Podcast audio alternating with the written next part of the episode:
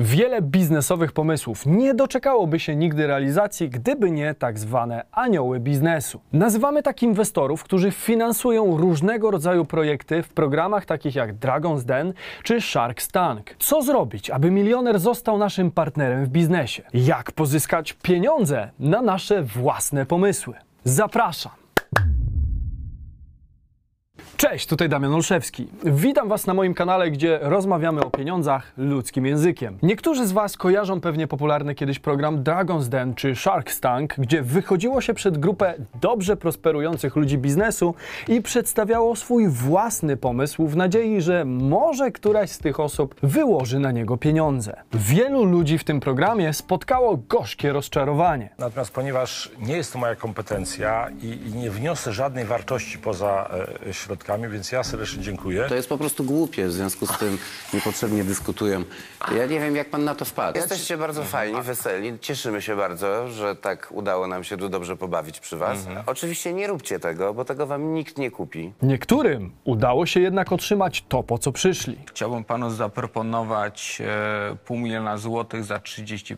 Był pan bardzo przekonywujący. E, W związku z tym postanowiliśmy zak- zainwestować całą kwotę e, za 80% firmy. Pytanie zatem, co sprawia, że rozmowa z milionerem dla jednych kończy się klęską, a dla innych lukratywnym partnerstwem? Podkreślam, że podjąłem się dzisiejszego tematu, dlatego że na co dzień reprezentuję interesy inwestorów dysponujących wielomilionowym kapitałem oraz sam występuję w roli anioła biznesu. Zatem dość dobrze rozumiem perspektywę takiej osoby, a pod koniec filmu pokażę Wam nawet na co sam chętnie wydaje swoje pieniądze. Warto dotrwać do końca. Zastanówmy się więc, dlaczego w ogóle inwestorzy mogą chcieć nam dać swoje pieniądze? Przyczyn jest kilka. Po pierwsze, milioner nieustannie poszukuje okazji. Bogaci ludzie nieustannie szukają okazji do obracania swoimi pieniędzmi, ponieważ mają świadomość, że pieniądz leżący odłogiem nie powiększy ich majątku. Dlatego chętnie dzielą się tym, co mają, jeżeli docelowo obie strony mogą na tym zarobić. I tutaj przechodzimy do drugiej przyczyny. Inwestor szuka partnerów, bo wie, że nie zrobi wszystkiego sam. Uwierzcie mi, nie da się być zawsze pierwszym poinformowanym o jakiejś okazji czy inwestycji. Dlatego milionerzy chętnie wchodzą w projekty z osobami, które są u źródła odpowiedniej informacji, bądź są na tyle ambitne, aby poprowadzić je zupełnie samemu. Osoba użyczająca kapitału staje się wtedy tak zwanym biernym inwestorem, a nas traktuje trochę jak maszynkę do robienia z jego pieniędzy jeszcze większych pieniędzy. Oczywiście wszystko odbywa się z korzyścią dla obu stron, ponieważ my również otrzymamy z tego swoją część. Następna przyczyna, dla której milioner może chcieć nas zasponsorować, to problem, którego większość z nas pewnie chciałoby kiedyś doświadczyć. Wygląda on następująco. Mają za dużo pieniędzy, a za mało okazji. Wiem, że to może brzmieć niedorzecznie, ale tak jest. Niektórzy mają więcej pieniędzy niż są w stanie wydać. A mówiąc o wydawaniu ich, nie mam na myśli kupowania sobie nowego Lambo czy Rolexa. Chodzi mi o ciągłe utrzymywanie pieniędzy w obrocie, czyli wydawanie ich na różnego rodzaju okazje inwestycyjne. Na przykład na przejęcie jakiegoś dobrze prosperującego biznesu, hotelu czy kupno mieszkania w okazyjnej cenie. Dobrym przykładem jest fundusz inwestycyjny, który często finansuje moje zakupy. Jeżeli dysponujecie ponad 200 milionami złotych, to głównym problemem jest właśnie nadpłynność, czyli to, że macie więcej pieniędzy niż okazji, które dostarcza wam rynek. Musicie więc szukać partnerów, takich jak chociażby ja, którzy dostarczą Wam większej ilości okazji do obrotu kapitałem. Jeszcze lepiej, gdy obrócą nim samodzielnie, powiększając Wasz majątek. Te pieniądze nie mogą sobie zwyczajnie leżeć, bo kończy się to pewną i nieuniknioną stratą, a w skrajnych przypadkach dotyczących np. funduszy inwestycyjnych nawet i bankructwem. Poznaliśmy zatem powody, dla których ktoś, kto dysponuje dużą ilością gotówki, mógłby chcieć użyczyć nam odrobiny swoich pieniędzy. Kolejne pytanie brzmi zatem, co musiałoby się stać, aby taka osoba chciała użyczyć je akurat nam? Zanim odpowiemy sobie na to kluczowe pytanie, sprawdźmy, jak często prezentujemy się w ich oczach. Proszę. y, Dzień dobry, dzień dobry, dzień dobry. E, witam, proszę pana. E, potrzebuję milion złotych na mój genialny pomysł. Hmm. Zamieniam się w słuch. Co pan tam ma? Oto on, drapacz podręczny. Finezja, prostota wykonania i lekkość użycia sprawiają, że jesteśmy w stanie podrapać się nim praktycznie wszędzie. Wchodzi nawet w najbardziej niedostępne miejsca na ciele, a każdy będzie chciał taki mieć. Na produkcję potrzebuje jedynie milion złotych i gwarantuje powodzenie. Tak, da mi pan sekundę, dobra? Na przetrawienie. Na ja przychodziłem do tego programu. Mało nerwów w robocie. Mało. Przepraszam. Następny! Tak niestety często brzmią nasze pomysły w uszach praktyków. Dopisujemy niesamowite właściwości banalnym pomysłom, nie widzimy ryzyka, opieramy się na przeczuciach. A żeby sprawdzić, jak daleko odjechaliśmy od realiów, to zwykle wystarczy przepierniczyć cudzy milion. Dlatego jeżeli praktyk biznesu czy doświadczony inwestor odmówił nam wejścia w nasz pomysł, to w 90% przypadków zrobił nam właśnie przysługę. Oznacza to bowiem, że zbyt wiele punktów tego planu było niepewnych, a z dodatkowym kapitałem moglibyśmy tylko zrobić sobie jeszcze większą krzywdę. Wejdźmy zatem znowu w buty naszego milionera i zastanówmy się, czego w takim razie oczekiwałby od naszego biznesplanu. Do tego posłuży nam zasada, którą nazwałem of course, ponieważ taką odpowiedź bez cienia zawahania mamy przecież zamiar uzyskać. Wiem, że pisze się to inaczej, ale odrobina abstrakcji czy niedorzeczności łatwiej się zapamiętuje. A więc po pierwsze OF jak opłacalne finansowanie. Milioner szuka względnie wysokiej stopy zwrotu. Nie po to godzi się przecież na wyższe ryzyko inwestycji, żeby otrzymać zwrot jak na lokacie. Musiałby więc zobaczyć w tym odpowiednio wysoki potencjał zarobkowy. Ale nie myślmy sobie, że ktoś taki zachowuje się jak jakiś napalony inwestycyjny prawiczek. Kochani, doświadczony inwestor przypomina bardziej rozsądnego konsumenta, który szuka równowagi pomiędzy niską ceną a jakością produktu.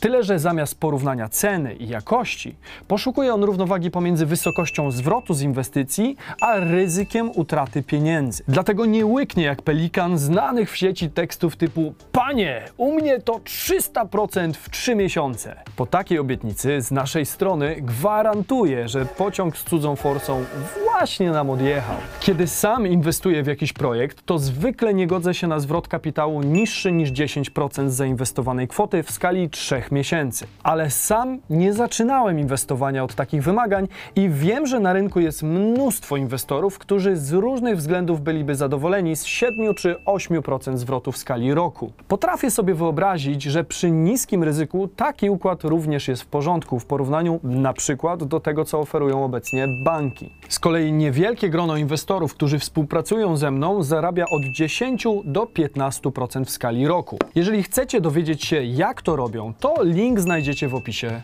tego filmu. Kolejna litera to K. K jak kooperacja. Milioner nie szuka genialnych pomysłów, tylko solidnych partnerów. Raz na milion pomysłów zdarza się pomysł warty milion. W pozostałych przypadkach liczy się to, kto za nim stoi. Zatem zamiast skupiać się na wymyślaniu czegoś, na co nikt na świecie jeszcze nie wpadł, skupiajmy się na własnym rozwoju w konkretnej materii. Dla inwestora sam pomysł wcale nie musi być nie wiadomo jak innowacyjny.